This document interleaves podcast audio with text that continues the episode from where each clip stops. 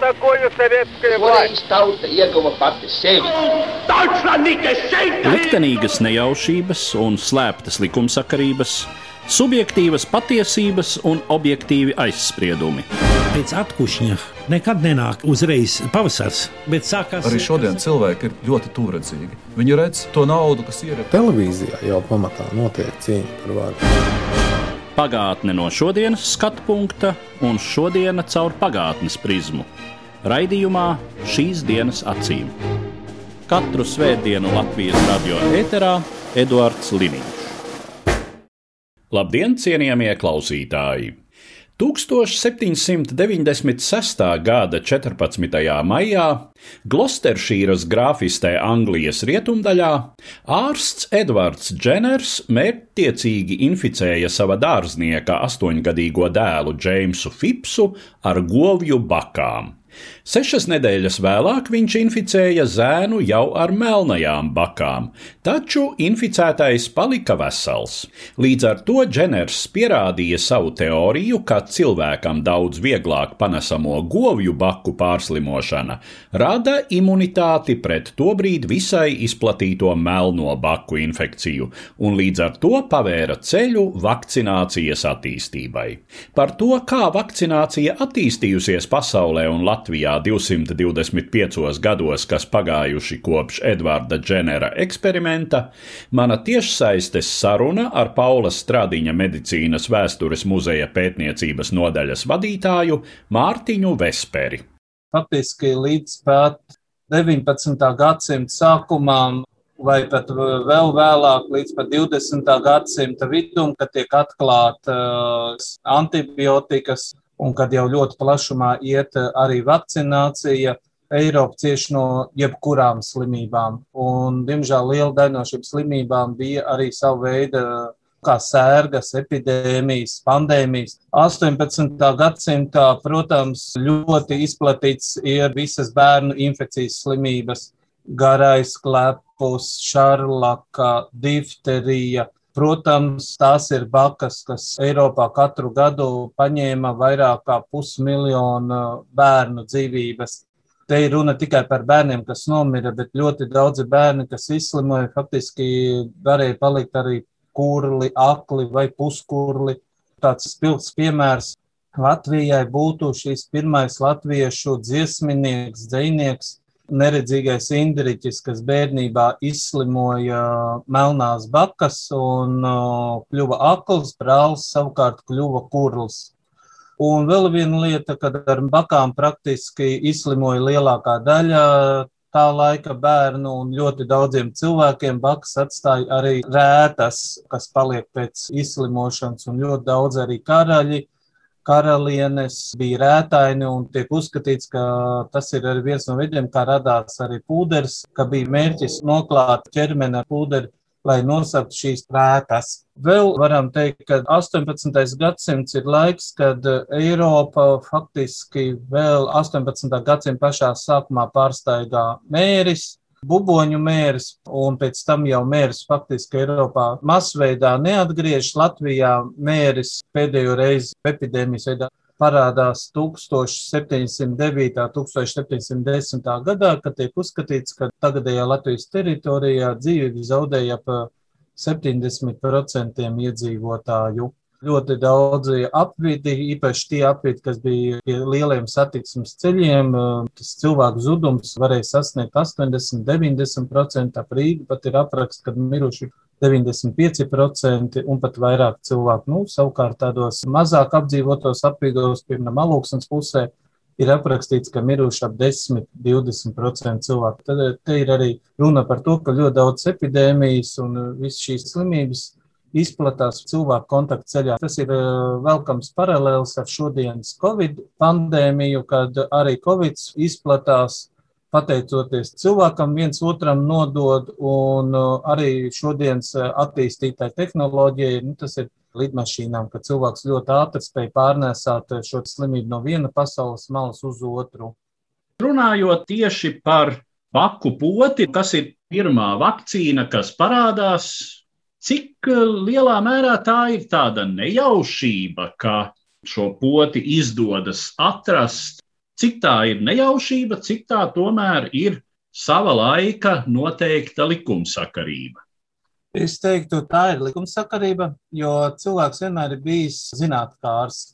Un ļoti daudzi savus jomas pārstāvi daudz ko ir atklājuši tīri novērošanas rezultātā. Nu, līdzīgi kā Galilejs Galileo vai Ņūtons ar savu zemes pievilkšanas spēku, ar šo te ābolu Dženers faktiski savā lauku praksē vienkārši novēro, ka slaucējas, kas slauc govs un kas izslimo govs bakas, viņas nesaslimst ar uh, šīm melnajām bakām, kas ir daudz bīstamāks un lipīgāks. Un tā rezultātā viņš faktiski nonāk pie slēdziena, ka, ja govu baks tiek uh, injicēts cilvēkam, tad cilvēks izslimo šīs govs bakas, kas ir daudz vieglāka forma, un tad cilvēks vai nu pat nesaslims ar melnajām bakām, vai arī ļoti vieglā formā šīs melnās bakas pārslimos.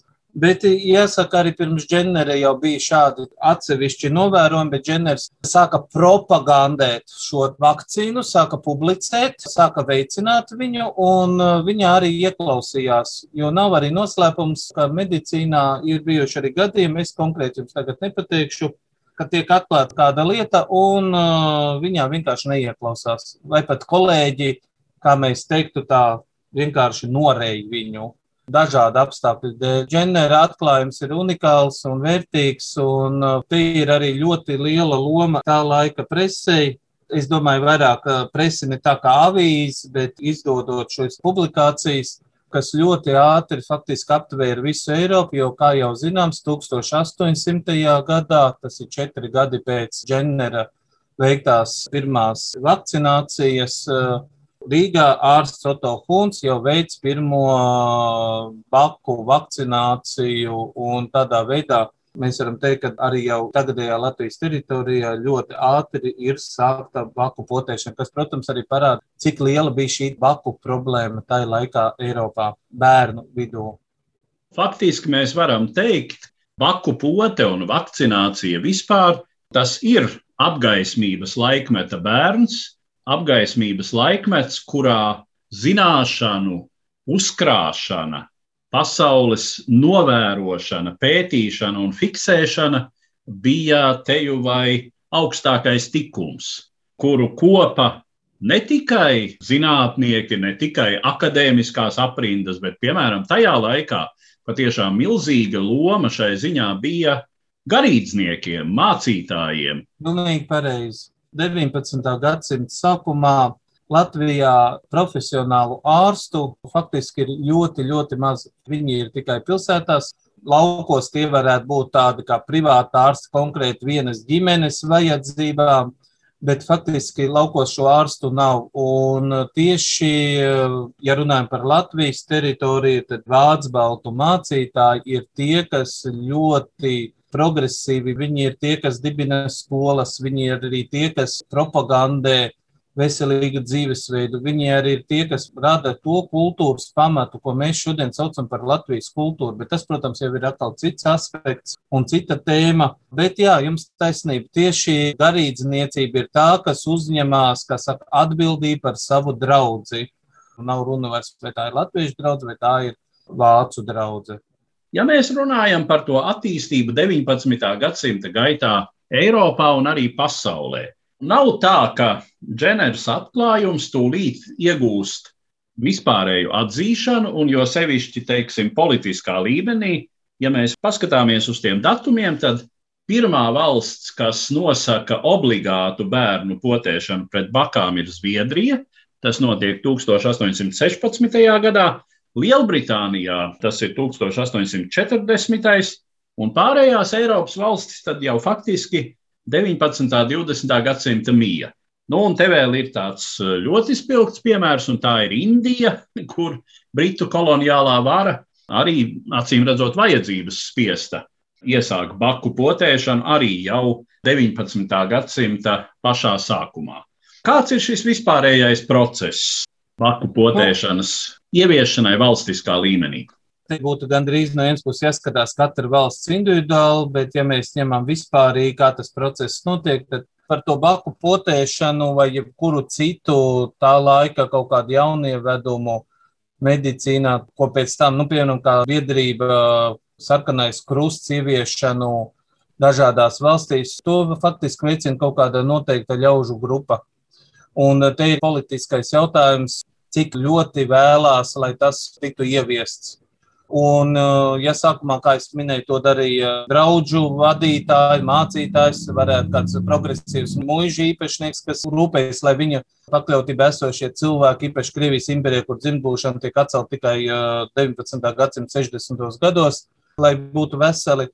Tad vēlāk jau tas kļūst tīri politisks gājiens, kad jau tiek ieviests valstiskā mērogā. Un te ir vēl viena būtiska lieta, te ir arī jāskatās vispārējo situāciju valstī kopumā Jo, piemēram, ja runājam par Krievijas impēriju, tad 19. gadsimta sākumā Krievijā tiek pieņemts eh, lēmums par to, ka ir jāveido tā saucamās vecmāšu skolas, lai mazinātu māšu un bērnu mirstību dzemdībās.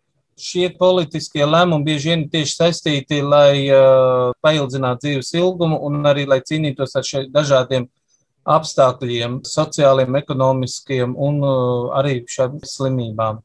Krievijā jau 19. gadsimta otrajā pusē pēc lielajām visām dzimbušanas atcelšanas, visām ekonomiskajām, politiskajām reformām, kura laikā tiek mainīta tiesvedības sistēma un daudz cits joms, un tiek arī ļoti daudz eh, likumu izstrādāti. Jau tiek noteikts, ka, piemēram, bāku potēšanā tiek ierakstīts, ka to nodarbojas vecmāts, ka vecmātēm ir pienākums eh, vakcinēt visus bērnus, kas pagastā ir eh, piedzimuši. Pagastam ir jāsako līdzi, lai būtu vecmātei šī pote, jo vēl likums noteica to, ka katrā pagastā ir jābūt vienam algotam ārstam.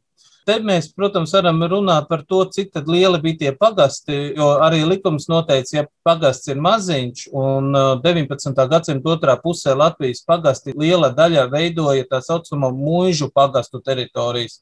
Un mūžas pagasts varēja būt no 10, 20 zemnieku sētām līdz pat uh, vairākiem simtu zemnieku sētas, piemēram, kā Dundaga, kur bija pie 10 tūkstoši iedzīvotājiem pagastā līdz dažiem lejas kurzemes pagastiem, kur bija tikai uh, ap simts cilvēkiem pagastā.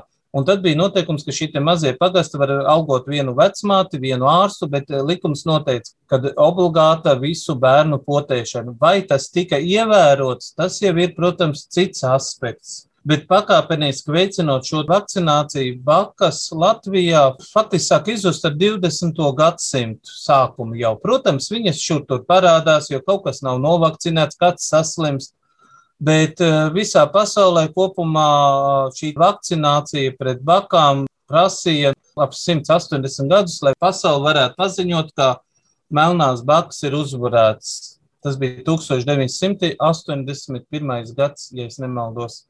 Un tad faktiski, ja mēs atkal skatāmies uz šo statistiku, tad ar 1980. gadu apmēram sākās pasaulē masveidīga potēšanās pret citām izplatītām infekcijas slimībām, kas ir masalas, poliomielīts, difterija. Nu, nē, pret difteriju pote jau ir arī ātrāk. Faktiski tie ir 20. gadsimta 60. gadi. Poliomielīts, protams, ir smaga slimība, kas tieši uzplauka 20. gadsimta 40. un 60. gados, un arī šeit masveidā ieviešot šo poliomielīta poti, faktiski arī šo slimību varēja salīdzinoši ātri savaldīt un daļēji izskaust. Nu, diemžēl poliomielīts nav izskausta slimība, kā Pasaules veselības organizācijas ir cerējušas. Līdzīgi tā ir arī ar tuberkulozi. Bija uzskats, ka tuberkuloze līdz 21. gadsimtam būs izskausta pilnībā. Diemžēl tā tas nav.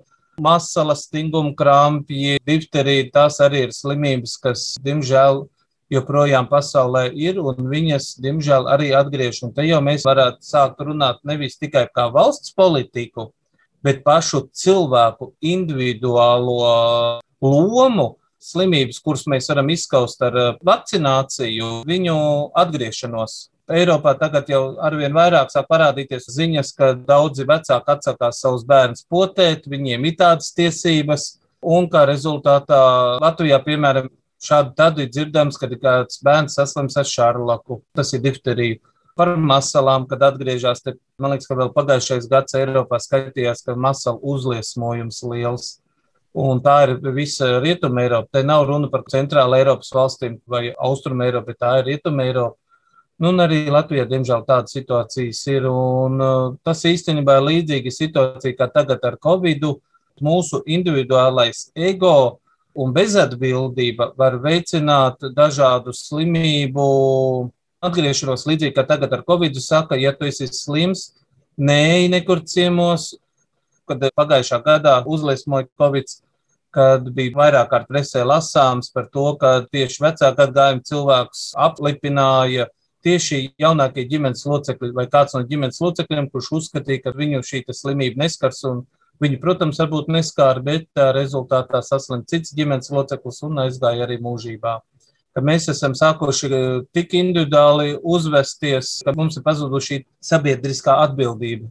Mēs runājam par vakcināciju, kad tad vakcinācija sākusies, kā viņa notikusi. Bet eh, vakcinācija nenorisinātos tik labi, ja nebūtu eh, aktīva valsts vai sabiedrisko organizāciju kampaņa uz profilaksi.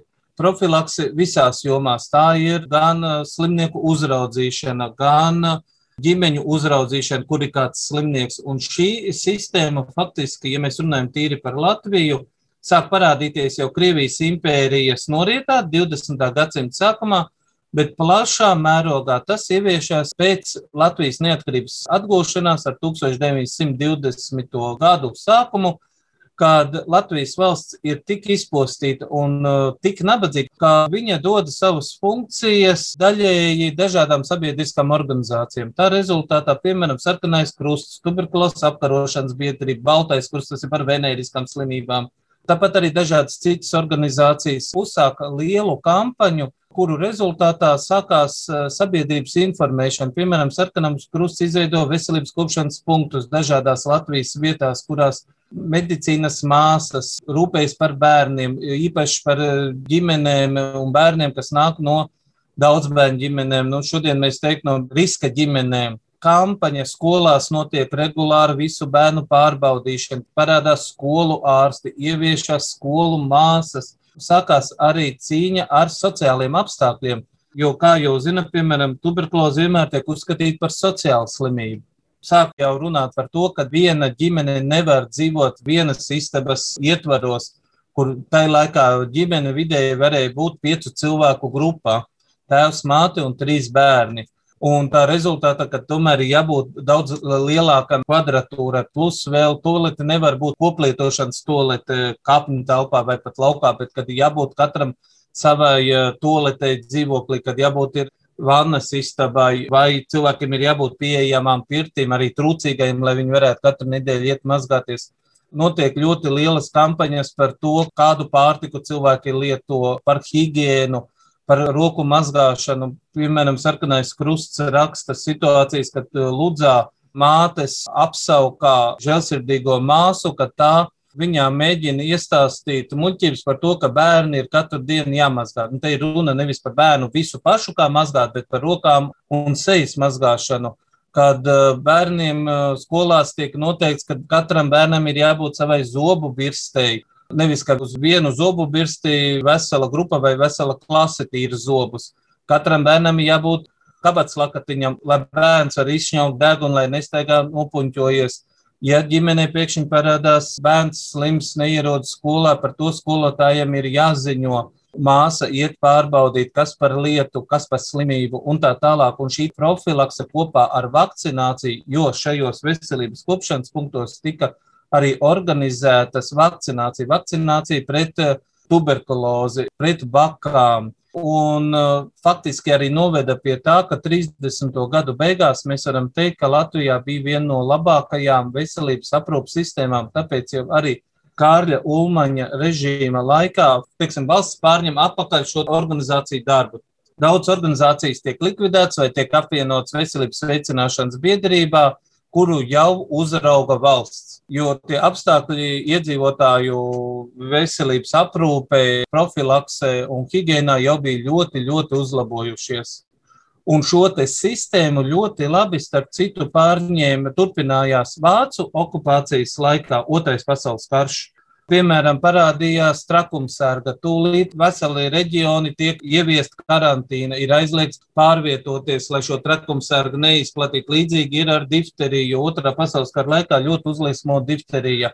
Atkal ir karantīnas, ir ierobežojumi. Un šo sistēmu faktiski arī turpina padomju periods. Jā, mēs varam daudz pārmest Staļina režīmam, bet Staļina režīma laikā Latvijā tiek ieviestas tā saucamās lauku slimnīcas. Te gan ir jārunā par to, ka pirms kara Latvijas laukos pastāvēja doktorāti, un uh, tad viņus ļoti vienkārši pārvērt par lauku slimnīcām ar 5, 10, 20 gultas vietām Bet arī šeit bija tas mērķis, profilakse un cīņa ar šīm slimībām. Un jau tikai 60. gados, kad jau masveidā notiek arī vakcinācija pret citām infekcijas slimībām, kad arī uzlabojas veselības aprūpas sistēma visā pasaulē, un tā skaitā arī Padomju Savienībā, šīs mazās lauka slimnīcas lēnām sāk slēgt, jo ļoti attīstās neatlikamās medicīniskās palīdzības sanitārais transports ļoti labi ir izveidots sanitārās aviācijas transports. Tas ir, kad ķirurgs no Rīgas Stradiņas slimnīcas var aizlidot uh, ar kukurūzņiku vai kādu citu lidmašīnu uz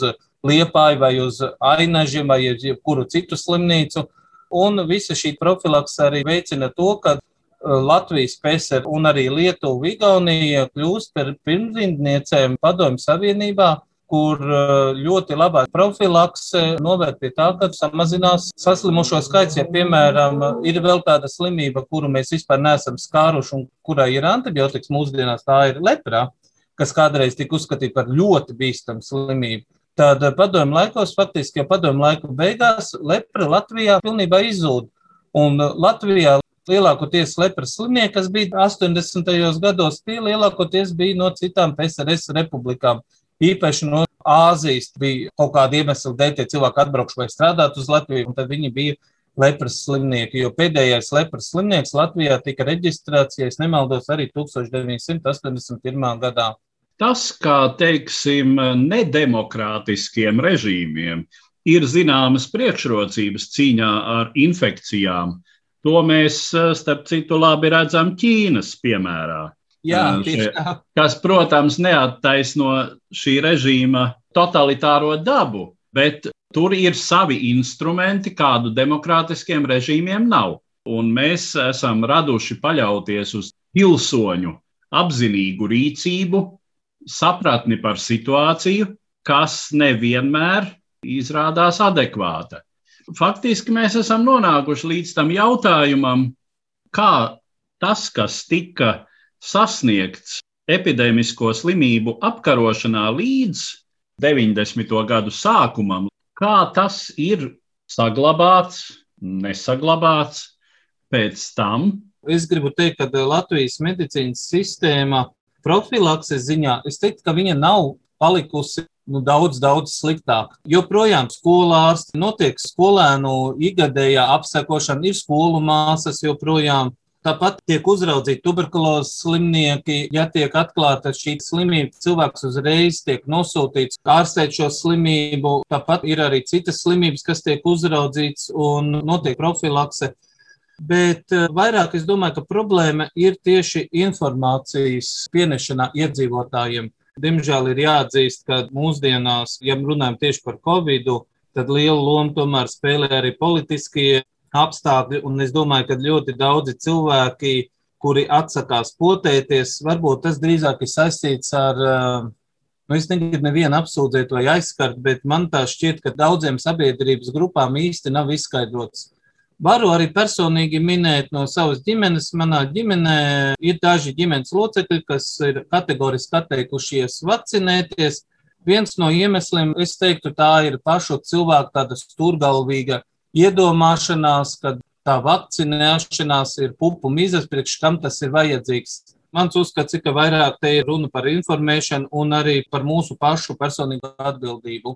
Mūsu atbildība, diemžēl, ir, es domāju, sliktā līmenī. Es vēl piesaukšu tādu faktu, ka ir konstatēts, ka pastāv korelācija statistiski starp vakcīnu noliekšanu, tā saucamo antivakcīnismu un populistisku politisko spēku atbalstīšanu sabiedrībā. Respektīvi, tie, kuri ir gatavi balsot par populistiskām partijām, ir salīdzinoši arī disponēti nevakcinēties un agresīvi noliegt vakcinēšanos kā praksi. Te nu jāsaka, Latvijas piemērs varētu būt visai spilgts, jo mums pēdējās saimas vēlēšanās ļoti konkrēti viens izteikti populistisks spēks ar salīdzinoši lielu deputātu skaitu iekļuva saimā. Nu, un arī Latvija ir viena no tām Eiropas Savienības valstīm, kur vakcinēšanās pret uh, Covid infekciju ir tā sacīt visnepopulārākā. Šobrīd, skatoties atkal jau uz statistiku, mēs redzam, ka vispārējā vakcinēšanās aptveramība pasaulē ir sasniegusi apmēram nu, dažādām diagnozēm, dažādi, bet starp 75 un 85 procentiem. Vai jūsuprāt, šis skaitlis tuvākajā nākotnē varētu pieaugt vai samazināties? Vai mūs gaida laikmets, kad dažādu iemeslu dēļ cilvēki atteiksies vakcinēties ar visām no tā izrietošajām sekām? Es domāju, tas ir atkarīgs arī no pašiem cilvēkiem un no vispār pasaulē kopumā tendences. Ja tiks pieņemts lēmums, ka cilvēks drīkst ceļot vai braukt uz kādu citu valsti vai lielām valstīm, tas būtu štati vai reģioni, un viņam ir jābūt potēji, tad, protams, tas procentuāli var pieaugt šī potēšana, jo tur, kur ir biznesa, tur ir ceļošana, naudas lietas, tur, protams, cilvēki potēsies un tā tālāk. Bet, ja tas cilvēks sēž savā sētā vai dzīvoklī un nekur tālāk nebrauc, un viņš uzskata, ka viņam tas nav nepieciešams, un viņam pat nav pēc tā vajadzība, tad eh, viņš arī nepotēsies. Bet līdz ko viņam radīsies vajadzība, tad iespējams, ka viņš pārdomās savu lēmumu. Droši vien ar to mēs arī mūsu sarunu varētu noslēgt. Es visnotaļ piekrītu un piebildīšu, ka acīm redzot, zināma piespiešana šajā sakarā ir pilnīgi attaisnot, un arī tas, ko jau Eiropas augstākās tiesu institūcijas ir lēmušas par to, ka ir attaisnoti tiesiskā ceļā pieprasīt vai ierobežot zināmas tiesības gadījumā, ja cilvēks nav vakcinējies vai kategoriski atsakās to darīt. Rezumējot, gribētu vienkārši jums tā pateikt, eh, mēs te sākām ar baku potēšanu sakarā ar šo pusapaļo jubileju. Bet, ja mēs paskatāmies par tām pašām bakām, ko sākumā runājām, tur jau arī sākumā šīs bailes, neziņa, kas tas ir, kā viņš atstās ietekmi, ko viņš darīs un tā tālāk veicināja to, ka radās visas šīs dažādas biedrības, kur izsmēja vakcinēšanu, kur cīnījās pret vakcinēšanu. Līdzīgi ir arī tagad, tā kā Eiropa vai pasaule, nu, lielākā daļa pasaules kaut kādu jaunu, nezināmu epidēmiju, pandēmiju, slimību nav novērojusi, es teiktu, pat pēdējos 70 gadus. Man liekas, ka pēdējā tāda lielākā nezināmā slimība, laikam, masveidā tās bija faktiski tuberkuloze, tā bija kolēra, nu, varētu arī bērnu slimībām, es varbūt minētu polimelītu, kas ļoti attīstījās tieši pēc otrā pasaules kara. Masveidā. Nu, un spāņu gripa, protams. Un spāņu gripa, paldies par atgādinājumu. Tieši spāņu gripa varētu teikt tā, ka tā būtu tā pēdējā kaut kas tāds. Tad eh, līdz ar to, protams, rodas cilvēkiem bailes, neziņa un tā tālāk. Bet ar laiku es domāju, ka kādi vismaz 90% sabiedrības tiks vakcinēti. Nu, vienkārši mēs nevaram sabiedrību piespiest pusgada vai gada laikā pilnībā visiem vakcinēties. Cilvēki ir bailīgi. Bailīgi no tā, ka vakcinēsies, viņš var palikt slims, rasties kāds veselības problēmas vai vēl kaut kas, vai pat nāve, letāls iznākums.